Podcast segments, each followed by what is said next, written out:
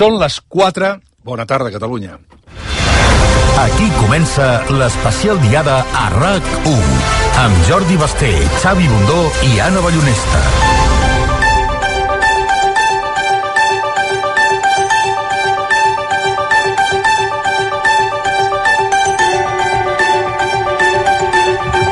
En fi, una altra diada nacional i una altra manifestació, una manifestació que per primer cop als últims anys sembla almenys aparentment d'ús intern que d'ús extern. Com arriba a l'independentisme aquesta manifestació? Segurament i en general amb molt més protagonisme polític que no pas social i amb molt més protagonisme dels partits que no pas de la gent. Esquerra ja ha dit que no se la sent seva, una part de Junts per Catalunya que se la sent molt i la CUP, com fa habitualment, té manifestació a part. Avui sabrem, com sempre aquí a rac com hem fet sempre, què es cou a una part important del país. Hem vist diades de més d'un milió de persones molt reivindicatives. Avui la majoria de gent de la societat no polititzada fa l'efecte que ha decidit, en general, apartar-se, però és una percepció. D'aquí uns moments, fins a les 8 del vespre, seguirem a rac si us certifiquem i, o no, si l'independentisme està agre i desendreçat. Xavi Bundó, bona tarda. Què tal? Bona tarda. Anna Ballonesta, bona tarda. Bona tarda. Però, de fet, la manifestació no ha començat, però la tarda política sí, perquè a hores d'ara Oriol Junqueras ja està parlant. Sí, sí d'alguna manera eh, la percepció és que Esquerra Republicana està fent un, un pols avui, d'alguna manera, no? Està fent assaig-error de si és possible el que fa 10 anys, avui que fa 10 anys de la primera manifestació independentista en 11 de setembre, d'aquestes que donen el tret de sortir del procés, era impossible imaginar eh, fa 10 anys que un eh, partit com Esquerra Republicana quedés al marge de la gran manifestació de la Diada, que fins i tot entrés en, en conflicte eh, amb la principal, en aquell moment, organització de la societat civil independentista com era l'ANC, i ho està fent. I ho està fent i ha de veure què és el que passa si ho fa i, i d'alguna manera, sense ser una contraprogramació, perquè encara falta una mica més d'una hora perquè hi hagi la manifestació, Esquerra Republica- Republicana està fent el seu, el seu propi acte. I caldrà veure també què és el que fan tots els votants de- d'Esquerra, no, avui, perquè després que cap membre del govern de, de la part d'Esquerra hagi decidit assistir a aquest acte, caldrà veure què fan eh, tots aquests votants que han participat a totes aquestes diades des de fa 10 anys i segurament també abans d'aquests 10 anys, però sobretot en aquestes últimes diades eh, multitudinàries, i avui no sé si sentiran una mica doncs, amb aquest dilema de, de què fan, no? De si han de seguir el que diu el seu partit, de si han de seguir el que diu Pere Aragonès, o si realment assistiran de totes maneres a, a una manifestació tan important com és la d'avui. Aquest, aquest matí escoltava una conversa, vaja, vàries, però dues sobretot molt interessants que feia el Xavi Bundó al Via Lliure. Una era amb Oriol Junqueras, l'altra amb Laura Borràs, un Oriol Junqueras que agafa protagonisme a aquesta hora quan normalment a les 4 de la tarda, quan començava amb Xavi Bundó els programes especials, precisament el que no era notícia era els que parlaven, i en canvi aquesta manifestació entre cometes, o celebració alternativa que està fent Esquerra Republicana de Catalunya a les 4 i 3 minuts, està agafant molt protagonisme amb una de les persones que aquest matí conversava amb rac que és Oriol Junqueras. Sí, Oriol Junqueras, que aquest matí ja eh, bé, demostrava eh, les, les fortaleses i les febleses del discurs d'Esquerra Republicana, eh, que, que d'alguna manera ahir, quan sentíem el president de la Generalitat fent aquesta frase de Catalunya votarà, els catalans votaran, és una frase que apela a la, a la voluntat d'una part, no sé si majoritària, però molt àmplia de la societat catalana, la, la del dret a decidir, però la pregunta és votar sobre què i quan, no? Eh, I aquí és on Esquerra Republicana, com a mínim, el que explicava Oriol Junqueras aquest matí, no, no sembla que pugui detallar en aquests moments el seu full de ruta. Com tampoc és probable que Laura Borràs tampoc no pogués detallar el seu propi full de ruta, malgrat en la part retòrica eh, la reivindicació de l'1 d'octubre, tenint en compte que ara fa, fa exactament 5 anys, eh, és, una, és una arma que utilitza de forma habitual una part de l'independentisme. Vicent Sánchez, Xavier Domènech, Anna Gómez a la primera tertúlia, després en farem una altra, en Josep Martí, Isabel García Pagán, Antonio Baños, Jordi Bosch i Rafa López. Amb tots ells comentarem aquest, uh, aquesta manifestació que no es preveu, veurem, eh? perquè potser ens equivoquem, perquè hi ha una dada que ja és real i significativa, que és la utilització dels uh, ferrocarrils de la Generalitat, que a hores d'ara tenen un 4% més de passatgers que l'11 de setembre de fa un any. Eh, un 2% més a la línia del Vallès i un 9% més a la línia de Llobregat a Noia. Vol dir alguna cosa? Home, sí, la manifestació de l'any passat per culpa de la pandèmia va ser com va ser, que possiblement serà substancialment o lleugerament superior a la de fa un any, però si aquestes són les dades, clarament inferior a les últimes que, com ara comentava el Xavi Bundó, hem narrat els últims 10 anys. Recordem, eh, a nivell de dades, el que va ser fa un any la manifestació eh, eren, segons l'organització, 400.000 persones, tot i que la Guàrdia Urbana va apuntar poc més de 100.000, eh, que era efectivament una de les xifres més baixes de la, de la dècada, si no la que més. 108.000 persones, segons la, la Guàrdia Urbana, per tant, una, data, una dada força inferior a aquestes 400.000 que posava l'ANC en aquesta, en aquesta edició, unes dades potser aquestes de, de, dels passatgers que caldria comparar més aviat amb les del 2019, quan recordem que la xifra de participants en aquella ocasió, el 2019, eh, també va ser més baixa que els anys anteriors. Per tant, Bé, no sé si ho hauríem de comparar amb el 2019 o potser amb el 2018, que va ser unes xifres més o menys similars a les que estàvem acostumats en anys anteriors. Són les 4 i 5 minuts, de seguida fem una ronda per donar toms per tot plegat, però eh, primer de tot, Benet Iñigo ens espera a la zona on Esquerra Republicana veiem fa uns moments que Oriol Junqueras, d'una manera braonada, parlava la militància. Volem saber quanta militància hi havia en aquesta, en aquesta trobada d'Esquerra Republicana amb Oriol Junqueras al capdavant i què ha dit Oriol Junqueras, si és que ha dit alguna cosa diferent, al que li deia aquest matí al Xavi Bundol via lliure de rac Hola, Benet Iñigo, bona tarda. Hola, bona tarda. Què? Don, doncs mira, uh, un acte que havia de començar a les 4 de la tarda amb diversos parlaments i que a les 4 i 5 minuts ja ha acabat, perquè s'han fins i tot sí, sí, fins i tot s'han avançat els parlaments. El primer ha començat quan faltaven encara 20 minuts per, per l'hora teòrica d'inici. S'ha de dir que aquí, al carrer Bruc, amb Ronda Sant Pere, molt a prop de l'estàtua de Rafael Casanovas, doncs feia un dinar popular la Federació d'Esquerra Barcelona. Ha agrupat, calculo, unes 400-500 persones eh, que, bé, diguem-ne que a les postres, a l'hora del cafè, han pogut sentir els seus líders i, i hem vist eh, uns líders, sobretot l'Oriol Junqueras, el president del partit, doncs molt reivindicatiu sobre el paper d'Esquerra al llarg de la història i avui en dia. Eh, tant ell com Pere Aragonès, com Marta Rovira han destacat molt els 90 anys d'història d'Esquerra, del seu republicanisme, eh, han destacat molt també que és un republicanisme inclusiu. Oriol Junqueras ha dit una, una frase que hem repetit diverses vegades, com dèieu, de manera molt abrandada, que és no ens faran callar ningú. I, i ha comparat els de les togues amb aquells que els critiquen a través de, de Twitter, de xarxes, des de l'anonimat. És a dir, eh, una mica discursos molt reivindicatius del partit, també el de Pere Aragonès, que en la seva intervenció, el president de la Generalitat, ha defensat la posició d'Esquerra en aquest 11 de setembre.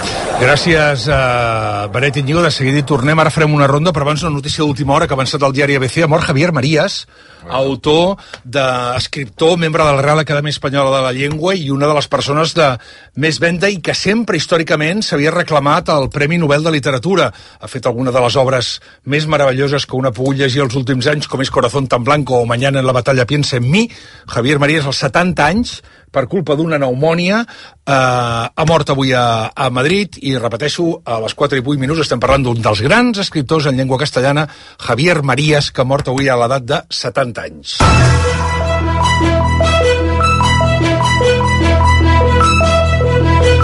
Aquesta hora, al marge del que ara explicava el Benet Iñigó, anem a buscar punts de connexió a on avui i serem aquí a rac per seguir en directe fins aproximadament les 8 del vespre el que donarà de si aquesta manifestació de l'11 de setembre de 2022. Doncs comencem per la capçalera. Allà hi tenim el Cesc Giró. Cesc, bona tarda. Hola, bona tarda. Quin ambient hi ha a aquesta hora a la capçalera, que és al capdavall de tot de, de l'Avinguda Paral·lel?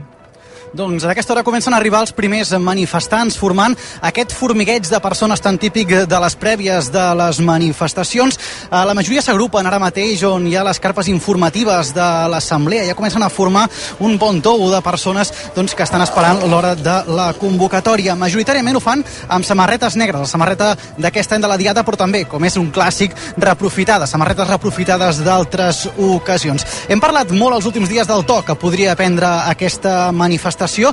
Doncs bé, pel que podem veure ara, el perfil de manifestants és molt heterogeni. És un perfil um, poc semblant, eh? molt diferent al que vam poder veure ahir a la manifestació, a la, als actes previs a la Diada, al Fossar de les Moreres, un perfil de manifestants molt diferent, molt més familiar, que s'assembla més a les manifestacions que hem viscut els últims eh, 10 anys. En aquests moments els voluntaris de l'Assemblea estan preparant les pancartes que encapçalaran aquesta manifestació, que començaran a caminar a les 17.14 14 i avançaran doncs, per el passeig Colom, passeig d'Isabel II, fins a l'estació de França. Sobre les perspectives de la quantitat de persones que es poden manifestar avui, voluntaris de l'Assemblea ens comentaven que els últims dies han notat un augment de l'interès per aquesta manifestació. Els autocars també eh, descriuen una mica el que dèieu abans, eh, se'n compten 240 autocars registrats en aquesta manifestació, són 30 més que els de l'any passat, per tant això vol dir que sí, que hi ha un lleuger augment però encara molt lluny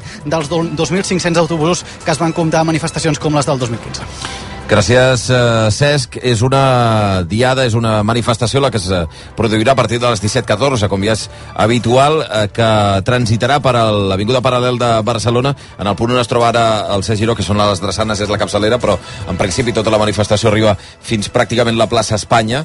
Aquest seria el punt final de la manifestació i anirà avançant cap a l'estació de França, eh, per davant de Colom, etc etc. Eh, per tant, el que farem és tirar una miqueta enrere a l'Avinguda Paral·lel per veure que es cou eh, cap enrere d'aquesta capçalera eh, amb tota la part de la manifestació que estarà quieta uns instants fins que avanci. Eh, allà hi ha el Sergi Ambudio, més o menys a, a l'hotel Universal, al paral·lel. Eh, què és el que ens pots explicar, Sergi? Bona tarda. Hola, bona tarda. Sí, jo estic 500-600 metres més amunt que, que el Cesc, entre el carrer Nou de la Rambla i la Ronda Sant Pau, per qui no estigui familiaritzat amb els carrers d'aquí al voltant del Paral·lel, seria just davant del Teatre Victòria, el Teatre del Magopop, i qui conegui el Paral·lel més en vida nocturna són 100 metres més amunt, 100 metres cap a plaça Espanya, de, de la sala, de la sala Polo.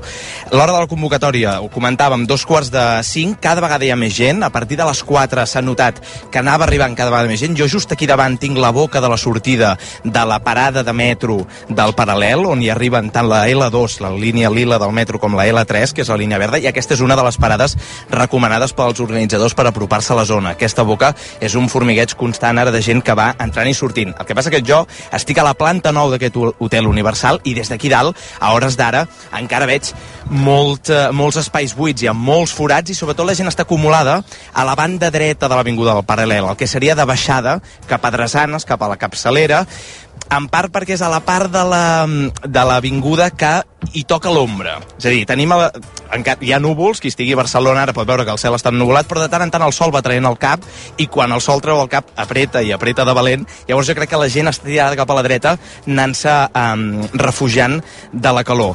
És, hi ha molta gent que va baixant cap a baix i bàsicament veiem molta samarreta negra, la samarreta oficial de la convocatòria d'aquesta manifestació de la Diada, molta estelada sobretot, alguna senyera, però bàsicament estelada estelades i molts barrets també per, per protegir-se de, de la calor. Perfecte, Sergi, doncs després d'aquí una estona tornem a connectar amb tu, ens expliques doncs, si ha anat arribant més gent durant aquesta estona. I com deia ara el Xavi, aquesta concentració inicial de persones que després s'aniran desplaçant eh, cap al passeig de Colom estan concentrades o s'han de concentrar fins a les 17.14 en aquesta avinguda paral·lel, eh, no ho hem explicat abans però està dividida en 10 trams. Eh, fins ara hem repassat, doncs el Sergi Giró estava a la capçalera, el Sergi Ambudio està més o menys eh, pel que seria el tram número 4 aproximadament i al final de tot, gairebé tocant a plaça Espanya, que en aquesta avinguda paral·lel i tenim a la Maria Costa. Maria, bona tarda. Bona tarda. No sé si, si aquí ja ha començat a arribar gent o quina és la situació a aquesta hora. Doncs sí, la situació és una mica mm, semblant a la que explicava en Sergi. Des de plaça Espanya sí que veiem gent que va arribant en comptagotes, que surt o bé arriba a peu o bé surt de la boca del metro, però el cert és que la fotografia és força semblant. El, des del carrer Tamarit, que és una mica on hi havia la previsió que comencés la gent a concentrar-se, hi ha gent. Ara bé, sí que és cert que veiem molts espais eh, buits, no hi ha aquella sensació d'altres anys que deia més eh, que no hi cap ni una agulla, ni de bon tros, veiem espais, i el que està fent molta de la gent que va arribant eh, amb comptagotes és anar caminant cap endavant, força ràpid, eh? sobretot a la part dreta del paral·lel que estan fent és anar caminant fins endavant. Aquesta sensació la veiem com a mínim fins al... si anem tirant carrers endavant en direcció Drassanes fins al carrer eh, Parlament. Aquesta és la sensació d'ara mateix. Al principi del carrer Tamarit veiem grups, desenes de persones eh, més quietes, però pel que fa a la resta el que estan fent és caminar endavant. El perfil de gent que veiem, eh, perfils molt diferents, eh, de totes les edats, sobretot samarretes, la majoria de, de color negres, i veiem també, doncs, evidentment, estelades onejant. Estem sentint i hem vist, sobretot, consignes de que estem farts de manifestar-nos, hem vist forces cartells d'aquest tipus i, sobretot, molt retrets a, a partits polítics independentistes. Gràcies, Maria Costa. Uns retrets que ja es van poder sentir eh, com eh, explicàvem ja des de primera hora del matí, aquesta, vaja, pràcticament aquesta matinada al Fossar de les Moureres, a la tradicional marxa de, de les Torxes, en què, com també, per, per cert, eh, l'any passat hi van haver-hi eh, protestes, hi van haver-hi eh, crits, hi van haver insults cap a determinades formacions polítiques i fins i tot en aquest cas i es, escoltant la protagonista aquest matí una, un incident aïllat que va eh, acabar arribant a les mans però que aparentment, segons la persona agredida no tenia, que és una periodista per cert no tenia més, més transcendència ni més vinculació amb, el, amb la festa independentista que s'estava produint ahir, ahir a la nit. Eh, veurem si aquest to del que va succeir ahir té ressonàncies al llarg de la manifestació d'avui d'alguna manera, o s'imposa més el que deia el Sergi Giró, que aparentment el perfil de les persones que avui ocuparan els carrers no té res a veure amb la que va, amb la que va sortir ahir al vespre a la marxa de, de torxes. En tot cas, hem tirat cap enrere la, a la manifestació des de la capçalera fins pràcticament el que seria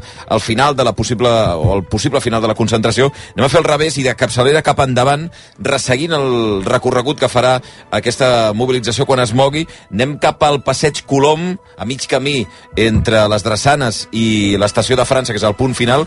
Allà hi ha la Sandra Sotillo. Sandra, bona tarda. Hola, bona tarda, Xavi. Què és el que veus? Doncs estic a la, a la terrassa de, de l'hotel Serres, que diríem que està més o menys a tres quarts de, del que serà la, la manifestació, a uns 800 metres de l'estació de, de França. Jo, de, de fet, des d'aquí puc arribar a veure l'edifici d'aquesta estació i fins i tot una mica d'escenari. De, a, a la meva dreta diguéssim que quedaria doncs, tot aquest uh, passeig de Colom fins a, a Colom i a, i a la plaça de, de Drassanes, tot i que la visió des d'aquest de, des costat dret és una mica més complicada perquè tenim just una vestida aquí al costat que impedeix una mica aquesta visió panoràmica, però de fet a tres carrers d'aquí on sóc jo hi ha el que podríem dir que és un, un dels possibles punts calents d'aquesta manifestació, que és la Capitania General d'Espanya, de, que és uh, aquest edifici de, de l'exèrcit espanyol a Barcelona i que uh, Dolors Feliu, la, la presidenta de la l'ANC el va assenyalar no? doncs com uns dels símbols del colonialisme que, que ha fet servir a Espanya i que volen denunciar amb aquesta manifestació. L'altra és doncs, la mateixa estàtua de Colón i aquesta Copidania General d'Espanya que ja us dic està a, a dos, tres carrers d'aquí on sóc jo. Per tant, a veure-la em costarà, però sentir si hi ha rebombori quan, quan els manifestants passin per, per davant sí que ho podrem fer.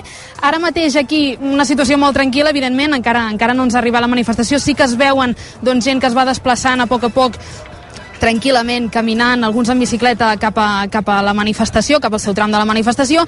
El que sí que us he de dir és que és complicat de vegades distingir-los perquè la camiseta d'aquest any de la manifestació és negra, amb unes lletres blanques que passen molt desapercebuda, no és tan cridanera com, com la d'altres ocasions i per tant es poden confondre amb alguns turistes que aquests sí que passegen encara més tranquil·lament per aquí, per aquí aquesta zona i els que sí que es poden veure són els que porten estelada a l'esquena, que jo tinc la sensació que en veig més que menys, perdoneu, que, que d'altres anys, mm -hmm. però tot i així se'n se van veient de tant en tant. Gràcies, Sandra Sotillo. Fins ara.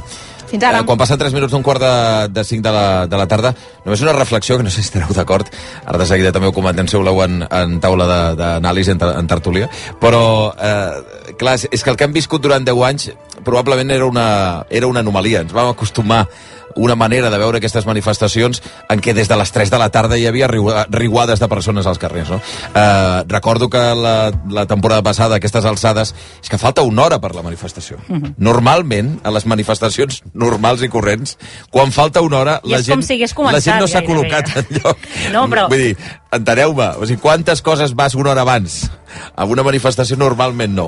Eh, per tant, el més normal és que ara mateix no hi hagués gaire, gaire mobilització. Ni el món va així. Tu, vostè que has vingut precisament de Londres, eh, vaja, ara estem veient imatges de com desplacen el, el cos d'Elisabet II i a veure, sí que hi ha una certa expectació, però a veure, no, la gent no hi va 3 hores abans a veure si troba eh, la, la quantitat de persones, no? Per tant, l'anomalia probablement és el que hem viscut del 2012 fins al 2018, eh, 2019, i ara és una manifestació important però dintre dels cànons de la normalitat de les protestes. Que ens haurem de preguntar els motius pels quals entraran dins dels cànons dins de les protestes quan resulta que en els 10 últims anys les manifestacions havien estat, i més motius sobrats, que han donat perquè hi hagi aquest tipus de manifestacions, quan a més hi ha hagut polítics a la presó, polítics a l'exili, amb la qual cosa què està passant és la reflexió que s'haurà de fer, que ja venim fent des de fa molt de temps, però que avui pot quedar certificat que depèn de la gent que hi hagi en la manifestació, ja no ho hem de comparar amb l'any passat, sinó amb el que les manifestacions de fa 4, 5, 6, 10 anys, perquè hi ha aquesta moltíssima menys participació, si és que s'acaba confirmant.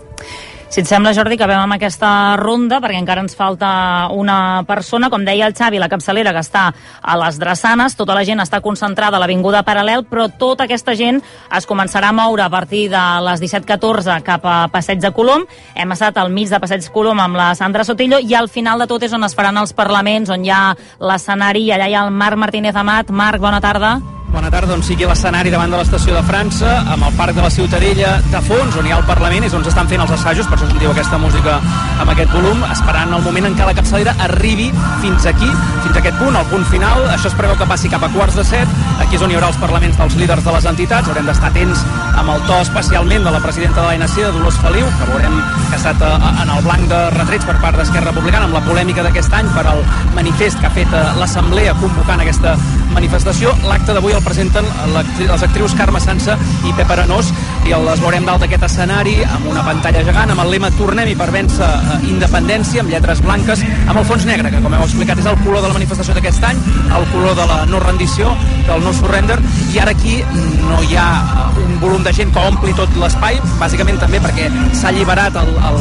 la calçada de, del passeig i sí que hi ha un degoteig de gent que va omplint les voreres. Per cert, entre les persones que hem vist per aquí hi ha l'exconsellera d'Esquerra Republicana, Anna Simó, que ha vingut pel seu compte. Per cert, una pregunta Marc Martínez de Maig, vaig fotre un, un gol per tot l'escaire, eh? Estic escoltant la versió, una versió del nou Surrender cantada en català. Saps de qui? Uh, Quim Vila, el Quim Vila és qui, qui fa l'actuació, la, estan ara fent els assajos, començarà, de fet és el primer a, a actuar, i suposem que serà ell qui, qui farà aquesta, aquesta versió just a l'inici de l'acte. Eh, per cert, una, una, una aportació més eh, per les informacions que, que ja apuntava el Basté, que has dit que més o menys aproximadament hi havia un augment de l'ús dels ferrocarrils de la Generalitat de l'entorn del 4%. 4, 4% aproximadament. Respecte a fa un any, eh, estem parlant? Sí, sí, respecte, respecte a la, la manifestació, manifestació, que va ser una manifestació molt marcada pel tema de la Covid encara. Sí, sí, eh? no, no, i efectivament hi ha un, al voltant del de, que dèiem, unes 108.000 persones. Eh, ens eh, fan arribar les dades una mica més desglossades fins i tot per zones. Eh, sembla que l'augment de la línia del Vallès de ferrocarrils és pràcticament mínim, un escassament un 1% més de passatgers a aquesta hora de la tarda del que era fa eh, un any, eh, l'11 de setembre, i un augment del 9% a la línia del Llobregat. No sé si s'han de treure conclusions o no de nivells de participació per zones del país, però en tot cas les dades són aquestes. Eh, sembla que fins a les 3 de la tarda l'arribada la, de passatgers hauria augmentat un 3,4%. Per tant, és una xifra força petita dins, de, dins del total de la quantitat de gent que es desplaça. Potser, potser, potser hi ha una dada que hi ha, hi ha aquella cosa que la música de vegades posa forma al que seria una manifestació. Uh -huh. Sergi Giró té una dada significativa respecte a aquesta pregunta que li fèiem al Marc Martínez Amat sobre la música en català del nou Surrender. Sergi Giró. Sí, doncs que aquest nou surrender en, en català era el que solia sonar als finals de campanya de Junts per Catalunya doncs de, de les últimes campanyes que s'han fet eh, doncs a Catalunya, tant les espanyoles com les últimes catalanes. Per tant, una música segurament, o, o potser sí, volguda, però que està relacionada, en aquest cas, amb Junts per Catalunya. Fins aquí les notícies. Seguim. Deies, Xavi, no? aquesta ocupació de, de ferrocarrils, però també caldria veure la carretera, no? perquè mm -hmm. sí que un altre clàssic d'aquests 11 de setembre de la Diada és que hi hagués gent que arribés una mica justa, no només ja pels autocars, sinó gent que es desplaçava amb el vehicle propi, perquè també hi havia cues a la carretera, fins i tot des de primera hora del matí, perquè molta gent aprofitava per venir a passar tot el dia de la Diada aquí a, a Barcelona. Jo he vingut amb cotxe aquest matí, la veritat és que no hi havia potser tant de moviment com altres anys, però no sé si podem ara anar fins al Servei Català de Trànsit amb l'Eduard Sánchez Sánchez. Eduard, bona tarda. Hola, bona tarda. Quina és la situació del trànsit ara mateix a les carreteres catalanes? Podríem parlar en general de força tranquil·litat. Ha estat, eh, si més no de moment, i fins ara, una jornada més o menys estable pel que fa al volum de trànsit, que és carreteres i autopistes, sense massa cues. Hi ha un punt amb retencions a la P7, des de la zona de Salou, i és per obres en aquesta zona, i bàsicament la ronda litoral, on hi ha més aturades en el tram entre Montjuïc i Barceloneta, sentit Besòs. Recordem perquè la sortida 21 de Ciutat Vella també es troba tallada per aquesta manifestació. En tot cas, eh, la resta, en principi, si més no, de moment, com dèiem, de moment circulació força, força còmoda. Doncs aquesta és la situació a les carreteres a aquesta hora, que com comentàvem, doncs també situació força còmoda a, a aquesta hora, no hi ha aglomeracions eh, pel que sembla, mm, sí que hauria crescut mínimament els passatgers eh, que arribarien amb, amb tren i la situació a les carreteres doncs molt tranquil·la també. Uh, M'enviava un missatge al- l'amic Gerard Romero que té una teoria sobre Ai, ai, per, què, ai, ai. per què augmenta més el, el, A el transport a ferrocarrils del Llobregat que del Vallès. Diu, ves que no pugin de les platges. Ah? A veure, tenint en compte que és diumenge, cap de setmana... Podria ser. Home, no és una, a veure, és una teoria plausible. Un moment, per, per això hem de fer una cosa. Una jaca. Va, no! No, no, no, no, no, no. Bueno, si hem de fer una caca, fem una caca, Va, el que faci prou, falta. prou. Però si diem que pot ser que vinguin de la platja... Sí, sí. Home, no sé, les temperatures com estan a aquesta hora? Hola, Martí Oliveres. Què tal? Ell està... Bona Martí, què fas? Estava caçant mosques. Ara Estava caçant temperatures. Ah, d'acord, sí. I què? Sempre treballant. Doncs molta calor, molta xafogó, no sé quina sensació teniu o té la gent, Molta però, però Déu-n'hi-do, déu nhi déu quina, quina diada de les més xafogoses, segurament. Tenim aquests núvols baixos a Barcelona. Um, van alternant-se amb estones de sol. Es mantindrà així fins a mitja tarda. Després eh, la notícia serà la xafogó. Nit eh, complicada, la que ve per descansar aquí a la capital catalana.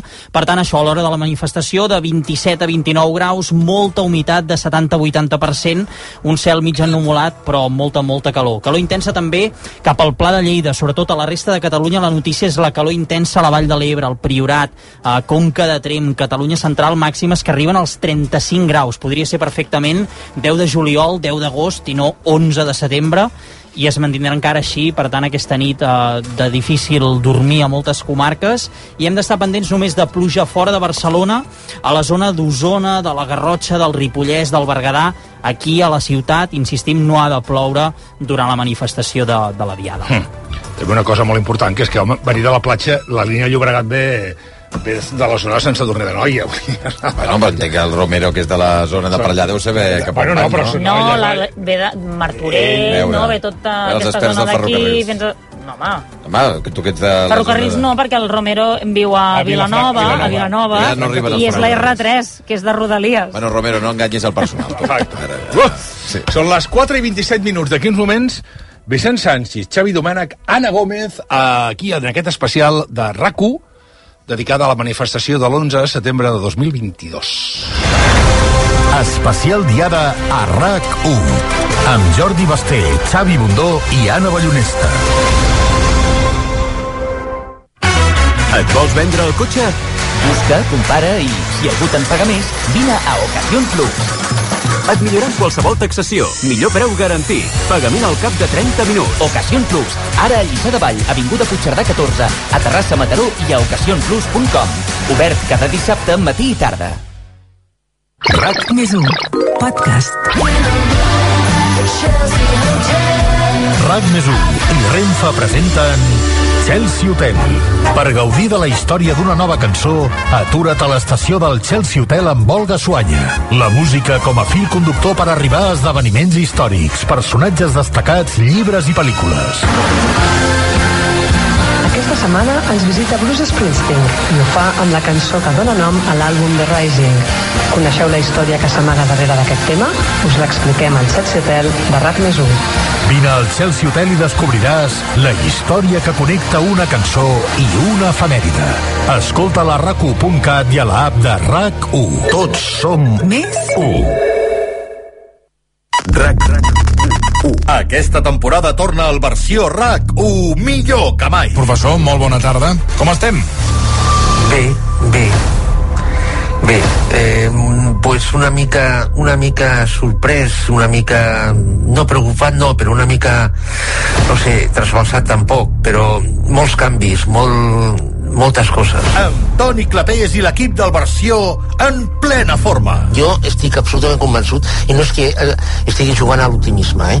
però jo penso, estic absolutament convençut de que mm, perquè si això continua cap endavant, li, li asseguro que arriba l'apocalipsi. És la hecatombe absoluta. Vindrà aquí la remonta, eh? Torna el líder absolut de les tardes de 3 a 7 de dilluns a divendres. Mm, Perquè això, evidentment, tenen, tenen un problema social brutal. La marihuana és, bueno, és un calmant que va molt bé per, la, per aquesta situació. Versió RAC1 amb Toni Clapés.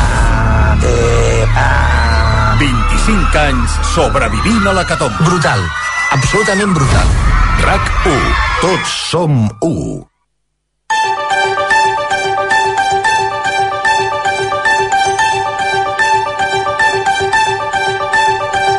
Especial diada a RAC1 amb Jordi Basté, Xavi Bundó i Anna Ballonesta. Dos quarts d'onze del, del matí. Ara li preguntàvem... Dos Hola, quarts Vicent. d'onze del matí? Dos del matí. Vaja. Hòstia, no n'he encertat ni una. No, a dos quarts? Dos quarts de cinc de la tarda. Bon dia, Per què senyor he dit dos Basté. quarts d'onze Bueno, perquè és l'horari de diada. És 15 de setembre. Hola, Vicent Sánchez, què Què tal? tal? Què Molt Bon- encertat, com Bona vostè. tarda. Què tal, Xavier Domènech? Bona tarda. Bona tarda. Hola, Ana Gómez, què tal? Bona tarda. Bona tarda, Jordi companyia. Bueno, mira, ara ho deia, li preguntava a l'Anna Ballonesta al Vicent Sánchez. I em sembla molt pertinent la pregunta, perquè en, en efecte el que estem habi- habitualment és a fer comparatives no? amb aquelles grans manifestacions. Jo crec que TV3 a dos quarts de cinc de la tarda o al 3.24 de qualsevol altra manifestació que començava a les 17.14 ja estava connectada. No, és- no ho tinc clar, eh? Connexions a la roda del 324, sí, eh? però no jo sé si... jo m'atreviria a dir que 45 El que minuts passa- abans 45 minuts abans de la manifestació bueno, mitja hora abans de la manifestació ja estava És que és el que deia el Xavi abans, que abans les, les manifestacions, que ens havíem acostumat, però és que és veritat que la, la manifestació, eh, molta gent, quan era a aquesta hora, la gent no sabia ben bé a quina hora començava la manifestació, perquè una hora i mitja abans ja hi havia tota la gent Sí. que hi havia d'haver i aquell espai estava ple com si hagués de començar. És a dir, que l'hora d'inici, eh, bueno, era una formalitat que s'havia establert que era aquella hora, però realment ja feia molta estona que la situació en aquell lloc era talment com si fos la Però, manifestació. entre altres coses, perquè fins i tot hi havia un bloqueig del transport públic, els metros anaven molt... Vull dir, arribava quan arribava la gent, quan podia arribar, en moltíssimes ocasions. Vull dir que, eh, pràcticament arribar al tram de cadascú era una, era una temeritat. Eh, Crec que ens vam acostumar a això, eh, també mediàticament, i efectivament no és el mateix. Això és una protesta. El, el, el Xavi Domènech, que segur que coneix molt bé com són les protestes al carrer, més normal, més de com...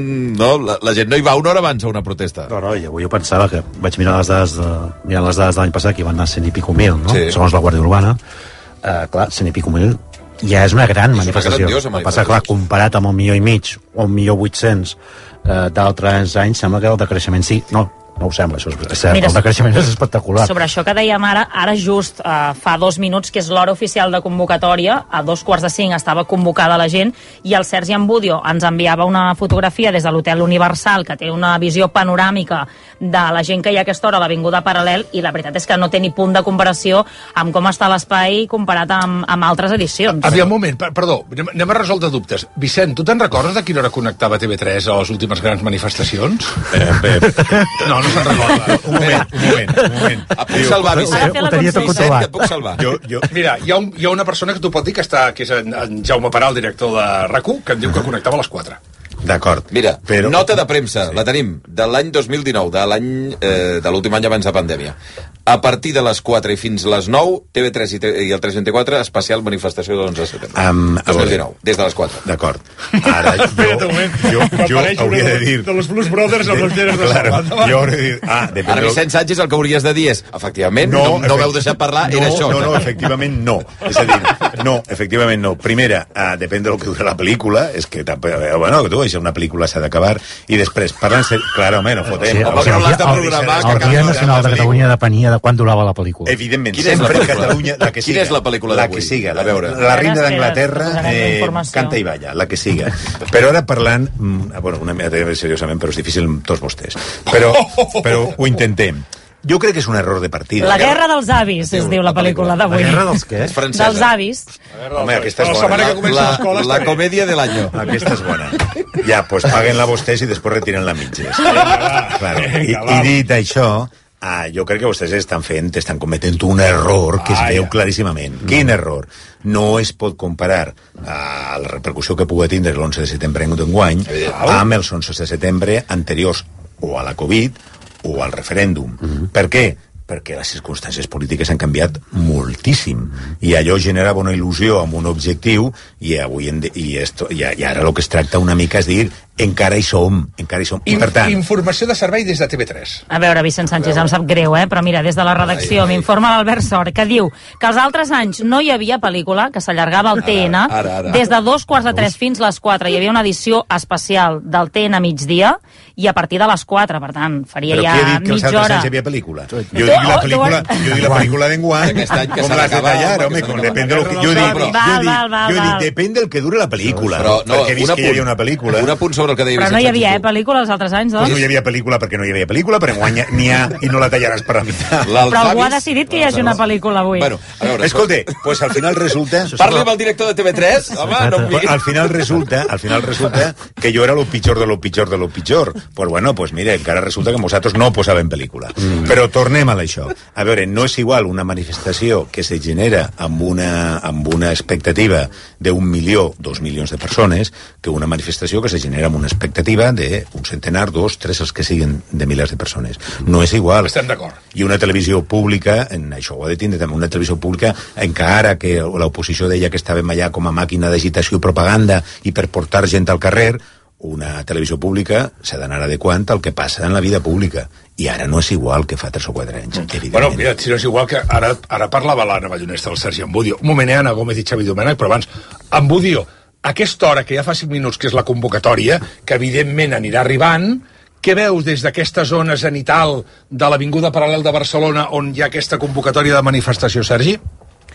És veritat que la gent ha anat arribant des de la primera connexió i es va omplint la- l'avinguda paral·lel. Jo tinc, si trec el cap aquí des de la terrassa en la que estic de l'Hotel Universal, jo treu. puc arribar a veure drassanes, diguéssim, i veig doncs, tot el tram que ve fins aquí i una miqueta més enrere. Per tant, jo dec veure 700 o 800 metres de l'avinguda paral·lel. Llavors, la gent està acumulada bàsicament als primers 400 o 500 metres de l'avinguda de Paral·lel des de la capçalera de la manifestació. Allà sí que és veritat que pràcticament no hi ha espai, que l'avinguda Paral·lel està plena a banda i banda, tant els tres carrils de baixada com els tres carrils de pujada i fins i tot les voreres, però a partir de la cantonada del carrer Nou de la Rambla, on hi ha el Teatre Polo, cap amunt, cap a plaça Espanya, aquí és on comença a haver-hi forats. I el que està fent la gent eh, dona una miqueta la sensació, quan, quan treus el cap, és que com si la manifestació ja hagués començat, perquè la majoria de gent està caminant cap a baix, està anant cap a direcció Drassanes per anar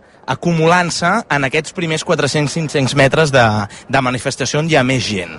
Per tant, és um, un quart de l'Avinguda Paral·lel. Sí que està plena, plena, plena, però a partir d'aquí uh, hi ha molts forats i molta separació entre la gent. A mesura que ha anat arribant la gent, també han començat a arribar els primers càntics de- d'independència. Això sí, tots sorgeixen de, de manera espontània. N'hi ha un que s'anima a cridar, l'altre que el segueix, l'altre, l'altre, l'altre, i a partir d'aquí eh, doncs, la gent s'anima i criden. Però eh, al final el, la situació és aquesta, que la gent va arribant, però està costant i de valent omplir ara mateix a banda i banda l'avinguda Paral·lel, que és una avinguda bastant ampla, també és cert, però hi ha molts forats. Però llavors, Sergi, el que ens estàs dient és que hi ha gent que s'està saltant una mica el que s'havia establert per aquesta manifestació i hi ha gent que ja comença a caminar abans que siguin les 17 i 14 per la, pel Passeig Colom? Sí, la gent el que està fent és eh, anar cap al començament, de la, cap al cap de la, de la manifestació i a partir d'aquí estan, estan allargant aquesta zona que us comentava del principi. No? El cap eh, és molt nombrós, és molt multitudinari, hi ha molta gent, és veritat que des d'aquí la imatge ja fa més patxoca i a partir d'aquí doncs, la gent arriba fins on pot. És, molt bé, doncs aquí paro i els següents doncs, just a darrere i van fent files, files, files i així van omplint. Però, i clar, i això el que fa és que et divideix l'avinguda paral·lela en dos, no? És aquesta part molt més plena de gent i a partir d'aquí una segona part de l'avinguda paral·lel, la que, insisteixo, camí cap a plaça Espanya, la que queda més amunt, més lluny de la capçalera, que està molt més plena de, de forats. No sé si el que està explicant el Sergi Ambudio també ho està veient d'alguna manera el Sergi Giró, que és a la capçalera a Drassanes, aquest, aquest punt des d'on hauria de començar a caminar i no més endavant la, la manifestació, Cesc.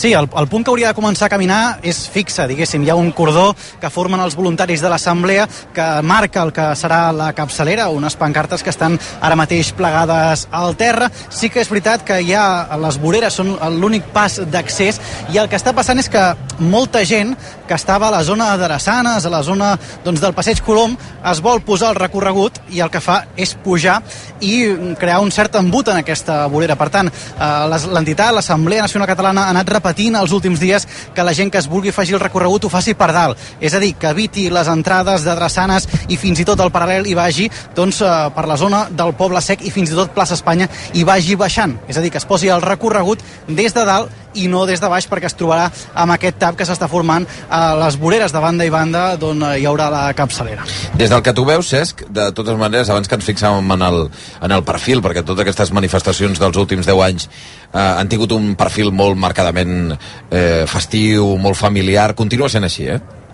És un, un perfil festiu, familiar, molt heterogeni. Eh, multiplica per molt la gent que hi havia ahir al Fossà i, i passa una cosa, al final la gent que hi havia al Fossà, algunes de les persones eren les mateixes que hi havia el 17 d'agost eh, allà doncs, al minut de silenci que es va fer per les víctimes dels atentats són poca gent que en aquell moment doncs, fan molt soroll i mm, té una certa repercussió mediàtica. Clar, avui que hi ha tantíssima gent potser aquests perfils també estan presents avui a aquesta manifestació però queden eh, del tot eh, tapats eh, per, per la quantitat de, de, de gent que ve doncs, aquí amb un to festiu eh, per gaudir de la manifestació i per protestar, però sense doncs, l'extrem que es, es va poder arribar a veure ahir eh, al Fossar de les Moreres. Són les 4 i 40 minuts, per cert, que qui presidirà o que qui serà l'encarregat, màxima representació política en aquesta manifestació serà Jordi Puigneró, vicepresident de la Generalitat de Catalunya, ja que en absència en absència del president, serà ell... I de la presidenta qui, del Parlament, qui, perquè, perquè tècnicament... Sí, no està... Eh, no és president del Parlament a partir del moment que, que està sancionada. La màxima autoritat d'aquesta manifestació és Jordi Puigneró. És Jordi Puigneró. Ara, Gómez, què et sembla tot plegat? Tot plegat.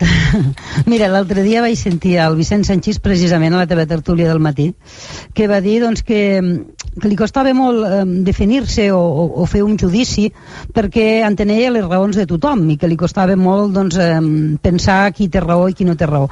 A mi també em passa una mica. Jo puc entendre perfectament que Esquerra Republicana, després de tants anys doncs, de no tocar poder, eh, ara vol aprofitar l'atomització total del món postconvergent per fer-se amb el centre polític català.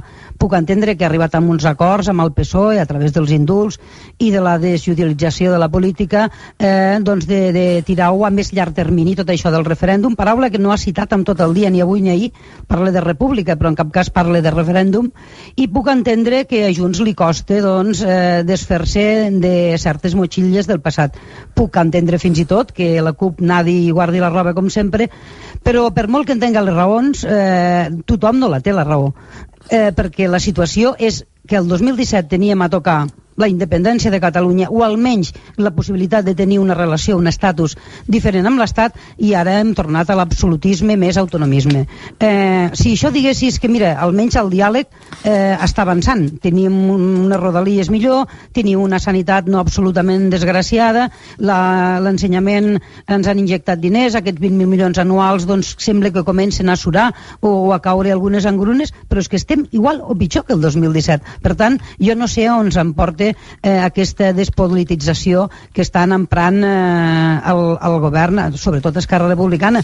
Eh, jo crec que més aviat estic més en la línia del, del Javier Antic, el discurs que ha fet aquest matí d'Òmnium, que estem on ells volien que estéssim, on no ells en general, sinó on l'unionisme eh, volia que estéssim dividits, com sempre, eh, sense full de ruta i sense possibilitat, i, tot, i sobretot el més greu de tot és la desmobilització de la ciutadania, perquè avui aquell que no està polititzat, que no està sectaritzat, que no és de l'Òmnium, que no és d'ANC o que no és d'Esquerra, s'haurà quedat a casa. Jo perquè estic a Lleida i tinc que treballar, però si no hagués tingut que anar a la manifestació, que jo hi hagués anat sola, perquè ja ni els meus fills ni els meus amics, la gent ja està molt decebuda i per tant ja s'ho faran. Anna, què t'ha semblat, eh, ara que l'has citat el, el discurs de Xavier Antic, tenint en compte que és un, d'alguna manera és una cara nova des del punt de vista del, de les entitats i dels qui poden prendre un cert protagonisme al voltant de l'independentisme. Home, no és el Jordi Cuixart, eh, però el, el contingut m'ha semblat bé, m'ha Bueno, semblat bé. deixar el bloqueig i la confrontació, és el que deia ell, bàsicament. No, no, però és que jo estic a favor de deixar la confrontació i, i, i- i tot el que tu vulguis, però a canvi d'alguna cosa.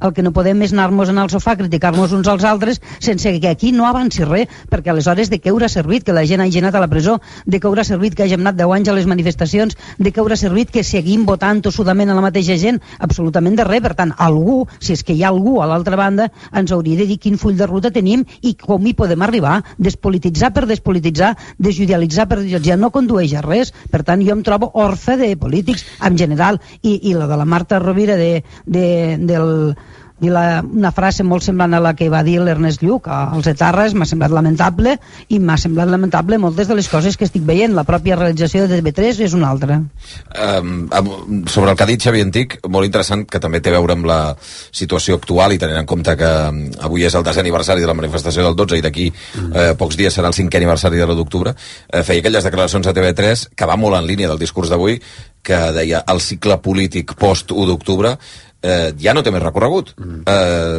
el que s'ha fet fins ara i el que s'ha dit i la retòrica i la no retòrica i avançar i ja no té més recorregut i per tant s'ha d'inventar un altre. Sí, noves veus, m'agrada lo de les noves veus, el que passa que clar Les, les noves veus és molt interessant. Eh, de tota manera, hi ha la gran també pregunta retòrica, que és, en aquests últims anys, a quants, perquè aquesta és una altra, és a dir, la democràcia es basa a través de les eleccions, a quants independentistes ha convençut Espanya perquè ho deixin de ser. Aquesta és una altra. Avui poden haver-hi moltes menys persones de les que hi havia fins ara en una manifestació per la independència, i està molt bé, i el focus estarà posat en la possible, si és que es confirma, punxada d'aquesta manifestació com era previsible. Tot i que és molta gent la que hi anirà. El dubte que tinc és, bueno, i, val, perfecte, si això s'endreça, és a dir, si l'independentisme s'endreça, què passarà?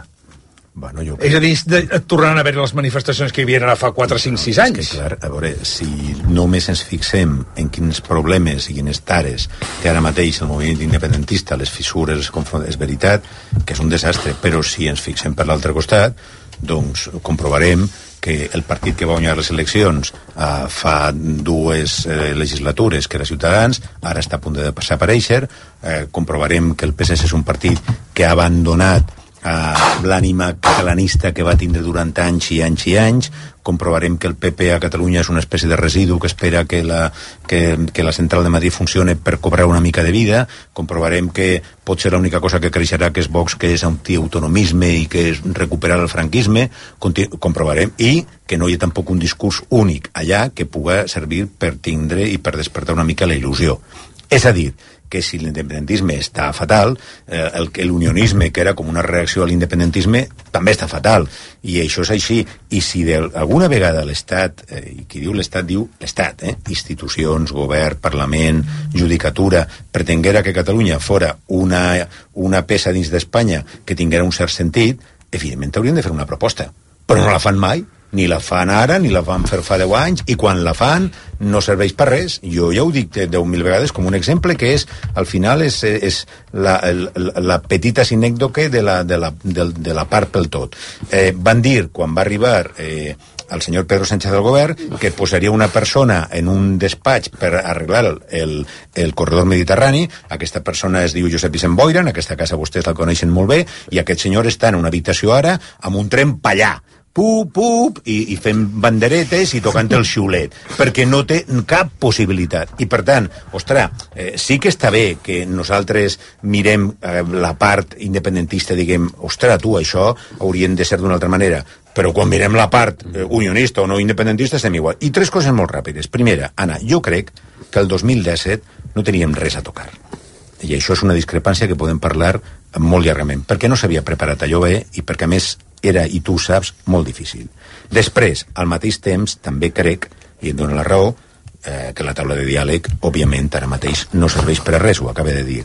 I també crec que l'independentisme, eh, per barallar-se eh, com a corrupció interna i per fracassar, està clar que no li cal l'Estat, que és capaç de fer-ho solet. I dins de tot això, el discurs del Xavier Antic ho era un discurs d'esperança. Taula nova, comencem, eh, cares noves, però clar, cares noves. Ara hem de mirar que els grans partits polítics independentistes estiguen d'acord en que les cares han de ser noves de veritat. Però com a mínim, com a un punt de dir algú que diga alguna cosa que no siga corrosiva, insultant, intransigent, amenaçadora, cabrejada, doncs ha estat molt bé. I que costa una cosa, era l'únic la única entitat que ha reunit a tothom a tothom, sí, Òmnium avui Tres quarts a tothom del món, eh, independentista Tres quarts tocats de vuit, perdó, de cinc, de cinc, de cinc. Però no necessitem... Jordi de Vas, vas, si volen fer el favor, sisplau. La, la tornada a Londres no ha bé. No ha anat bé. I el pleno, i el pleno el 15, què li poses? Parar, no. Escolta, acaba, acabem de veure... No us pagueu, explica, no us pagueu. explica un moment perquè hem vist aquí... Sí, una epifania. Hem tingut una epifania de la independència. L'epifania tenint en compte el que he escoltat aquest matí amb el Bundó al Via Lliure, que li deia... S'ha transformat de cop, S'ha no? transformat de cop. Parlo d'Antonio Baños, de seguida. Per un moment, Xavi Domènech, volies dir alguna cosa, no? Sí, sí. No, em sembla que era Joan Puigcercós que deia que per molt malament que ho fessin els catalans, Espanya sempre ho arreglava. És a dir, com que ho feia pitjor, ja estava tot solucionat. I, i, i sí, però, però un cop eh, s'ha s'ha construït aquesta axiomàtica hauríem d'anar una miqueta més enllà. Jo crec que en aquesta manifestació, o en, aquest, en aquesta diada, si volem, no en la manifestació, es juga una cosa, es juguen tres coses. Una molt evident, i les altres potser no tan evidents i potser no tan importants, però que a mi em semblen també rellevants. La primera, a curt, és molt evident que es juga saber eh, què passarà en el debat de política general i què passarà amb el govern de la Generalitat de Catalunya. És a dir, en aquesta manifestació que ha convocat l'ANC, finalment, dels partits que governen, només hi va Junts. I és Junts que aposta per aquesta manifestació i, per tant, jo crec que aquí hi ha- hi haurà un reclam cap a Junts de que, eh, de que això facin efectiu alguna política més enllà de la retòrica. En aquest sentit, que si ells aposten per una cosa diferencial a l'altre partit de govern, s'haurà de notar també la política. Després, en, aquest, en aquesta diversitat que hi ha en aquests moments al moviment independentista, hi ha una realitat. Jo no crec que sigui només que el moviment independentista s'endreci i ja està tot solucionat i tornem als embats, i tornem al procés, i tornem a la, a la força del carrer. És que la diversitat estratègica en aquests moments és abismal. És a dir, la CUP diria jo, eh, no voldria equivocar-me, però la CUP sembla que aposta o apostaria per tornar a una fórmula de referèndum unilateral lligat amb el referèndum d'Escòcia 2025, si és que es produeix el referèndum d'Escòcia 2025, que s'hauria de veure. Esquerra Republicana sembla que aposta per una estratègia a més llarg termini que té com a peça clau eh, la taula de diàleg. I Junts, no ho sé. És a dir, perquè sé que en el seu programa electoral el que hi havia és fer efectiva la independència de és a dir, no cal un altre referèndum, perquè el referèndum ja es va fer, ja es va votar, no sé quants anys és vàlid això, no sé si això és vàlid 10 anys o 15 anys o 20 anys, ja es va votar, perquè clar, eh, els anys passen i potser la gent eh, també té dret a tornar a votar, no ho sé, eh, però sembla que seria això, és a dir, i no sé com es fa això, perquè això ja es va intentar i no es va sortir. I dic que suposo que és això, perquè escoltant a Laura Borràs no em queda massa clar si és això o és tornar a fer un referèndum, no, no ho tinc massa, massa clar, però clar, són tres estratègies radicalment diferents. I dintre d'aquestes estratègies radicalment diferents, l'ANC jo crec que està apostant per la mateixa estratègia de Junts, que no sé exactament què és, i per presentar una candidatura el 2025 perquè això és el que el manifest al final, l'última conclusió final que es treu és nosaltres eh, recolzarem, em sembla que és amb la màxima, no sé com ho diu, molt, molt enfàticament, una llista cívica que el que haurà de fer és fer efectiu l'1 d'octubre. Per tant, eh, l'ANC jo diria que està apostant per entrar a les institucions. I eh, això és, crec que és eh, el que s'està eliminant el dia d'avui i que veurem les properes setmanes. Però hi ha dues coses més que potser no són tan evidents i que a mi em semblen importants. La primera és, el procés va viure d'una lògica de relació entre moviments i entitats del moviment independentista i els partits. I avui aquesta lògica s'ha trencat. El que vindrà ara serà diferent. No sé què serà, però serà diferent. S'ha trencat aquesta lògica. Un dels partits, no el menor, el més votat de l'independentisme, el que té la presidència de la Generalitat, ha dit, bueno, no és que ho llegit el partit en ple, perquè s'està quedant llibertat, em sembla, però diguem que més o menys ha sonat a dir no hi anirem o no anem no, el, pres el president de la Generalitat diu que no hi aniria, els consellers han dit que no hi anirien, i el partit... Home, a veure, jo crec, a mi tota la vida, quan algun partit ha dit donem llibertat perquè la gent vagi sí, a un acte, clar. sempre he pensat que aquest partit, que se n'anarà cap a la Unió Soviètica, que tindria un bon lloc, eh? Vull dir, no faltava més que la gent no hi pogués anar. La Unió però... Soviètica no donava llibertat per anar a un acte. Per això t'he dit, no, no, per això t'he dit que quan un partit diu donem llibertat és com si estiguera fent un favor als militants. Deixa'm acabar amb l'última mm -hmm. tal. I jo crec que hi ha un altre element que per mi té certa importància, perquè igual avui no es discutirà massa, però crec que s'acabarà parlant, és la manifestació de la Diada l'any vinent l'ha de convocar l'ANC. És a dir, Però és que sí, aquest és el, el, el clar, duel eh, Esquerra Republicana-ANC, és, és en certa no, manera la pregunta jo, de quin surt beneficiat Jo ja no parlo de, de si, si és un duel de l'ANC. Aquí s'ha dit una cosa que és, és real. Òmnium avui ha reunit una pluralitat molt més àmplia i no dic que sigui Òmnium eh, que l'hagi de convocar i crec que l'ANC probablement l'ha de convocar també però l'ha de convocar només l'ANC és a dir, el contingut polític que es deriva de la manifestació de la dia l'ha de definir un manifest de l'ANC. Depèn no. de lo que passa d'aquí a allà, perquè en els últims eh, 10 anys, 8 sí. anys, des que es va fundar l'ANC, eh, ha estat així. Sí, sí, sí. I, per tant, si aquesta entitat, eh, que té en els deu últims anys un pedigrí de convocatòria mul eh, multitudinària, de, de, de prestigi, etc., si d'aquí l'any que ve sí. encara continua sent una entitat amb la mateixa solvència, d'acord. Ja, I si no, ara, eh, eh, bueno, és que, a veure, jo, jo crec que sempre en els últims anys, des que això va anar seriosament, ha convocat aquesta manifestació, mm -hmm. l'Assemblea. Sí. Si això ha de canviar, eh, segurament serà una convulsió i un conflicte que encara ho trencaran més tot, però, perquè acabarem en tres manifestacions. No, però, com, com passava però, abans que l'ANS les convocara. Però, però, però una cosa, probablement perquè no s'acabi en tres manifestacions es pot fer més plural la convocatòria. Això depèn de l'Assemblea i depèn també de les pressions que pugui rebre. L'Assemblea pressiona és, una, és un instrument civil per sí, pressionar, sí. però també la pressionen, Clar. perquè aquí es juguem de pressions mútues, doncs llavors en un any, què passa amb aquestes pressions? Aviam, tenim 6 minuts per arribar a les 5, a les 5 farem una ronda, farem entrar a Antonio Baños i... Que... Però on és ara el Baños? Per aquí fora. El superindependentista. Però tenim dues connexions abans de les 5. d'aquesta manera? Bueno, un moment, el capitán de la de Jo l'he vist amb una capa. Sí, sí, sí, sí, sí, capa, capa i, i samarreta. Va. Bueno, és, és el Superman, com deia Ruiz Mateos. D'aquí uns moments fem la... Fem, fem la, un, jo si Baños diu que te pego leche... Que te, bueno, d'aquí uns moments a les, a les 5 de la tarda farem un tom per tots els llocs, però vull fer dues, bueno, dues preguntes. Una, hi ha una dada també significativa. Normalment a aquesta hora sentíem... Hi havia un helicòpter sobrevolant. Marc Martínez Amat, hi ha helicòpter sobrevolant avui a la manifestació? Jo no he sentit el soroll de l'helicòpter en, en cap moment. Jo, almenys per sobre d'on som, aquí a Estació de França, m'imagino que si fos eh, a prop també el sentiríem, no s'ha sentit el soroll de l'helicòpter que habitualment sub, eh, sobrevolava la manifestació de la policia, normalment de la policia nacional o, o de la Guàrdia Civil o dels Mossos, no hi ha hagut cap helicòpter. Val, un moment. Cesc, tu sí que l'has sí sentit, al marge que també has sentit a Dolors eh, Feliu, que ja ha fet... Mira, sí el sento. Sí, mira, mira, sí que tenim, sent. tenim l'helicòpter. L'helicòpter. Tenim... Bueno, abans hi havia altres... Perdó, perdó. Ha sortit perquè vostè l'ha demanat. Sí, exacte. Ja, sí, hi ha el mini... Habemos hi ha, hi ha, hi ha, hi ha el conseller d'Interior fent al costat del Sergi he de dir que, he de dir que, que n'hi havia molts. Això era picant al pit, no? Perdona, perdona. Ai, Xavi, que bé que ho fas, això, eh? T'he de dir que amb altres... Amb, mare de Déu. T'he de dir, Xavi, que en altres manifestacions sí que fins i tot RAC1 tenia una persona amb un helicòpter. Ja, ja. De la quantitat de gent que hi havia, la B baixa, per exemple. El Xavi hi va anar una vegada. una vegada, sí, sí, no? A la via, no? A la via catalana. Sí, sí, a la via catalana. Doncs bé, uh, el C. Giró uh, ens pot fer cinc cèntims del que ha dit Dolors Feliu. Sí, eh, s'ha avançat, ha fet uns parlaments abans que comenci aquesta manifestació. Ha dit eh, doncs, que per ells la... no hi ha hagut desmobilització, que hi ha força gent, que la gent ha sortit del carrer, que esperen que sigui una bona manifestació. També fons de l'Assemblea ens expliquen que aquest any eh, també es donarà xifra de participants. Ho faran des de l'escenari, serà la mateixa Dolors Feliu que en els seus parlaments dirà quanta gent, segons l'Assemblea, s'ha manifestat avui a Barcelona. De fons, sentiu els primers crits d'aquesta manifestació, crits d'independència, i fa una estona també deien sí, sí, sí, encara estem aquí. A 4 minuts i arribarem a les 5 en punt de la tarda. D'aquí uns moments, aquí a rac fem un tom per als diferents llocs on tenim gent de rac perquè ens pugui explicar com està a poca estona perquè perquè hi hagi el moment clau que seran, com sempre, a les 5 i 14 minuts. Especial Diada a RAC1 amb Jordi Basté, Xavi Bundó i Anna Ballonesta. Aquest mes la Vinoteca de Gourmet La Vanguardia et porta l'especial Montsant. Celebra el 20è aniversari d'una DO única a través dels seus grans vins. Lo Cirerer de Calbassó, Brunus del Portal del Montsant i Dos Terres Garnatxa del Celler Dos Terres. Sis vins negres valorats en 99 euros ara per només 59. Compra'ls a gourmetlavanguardia.com. Patrocinat per Cartox.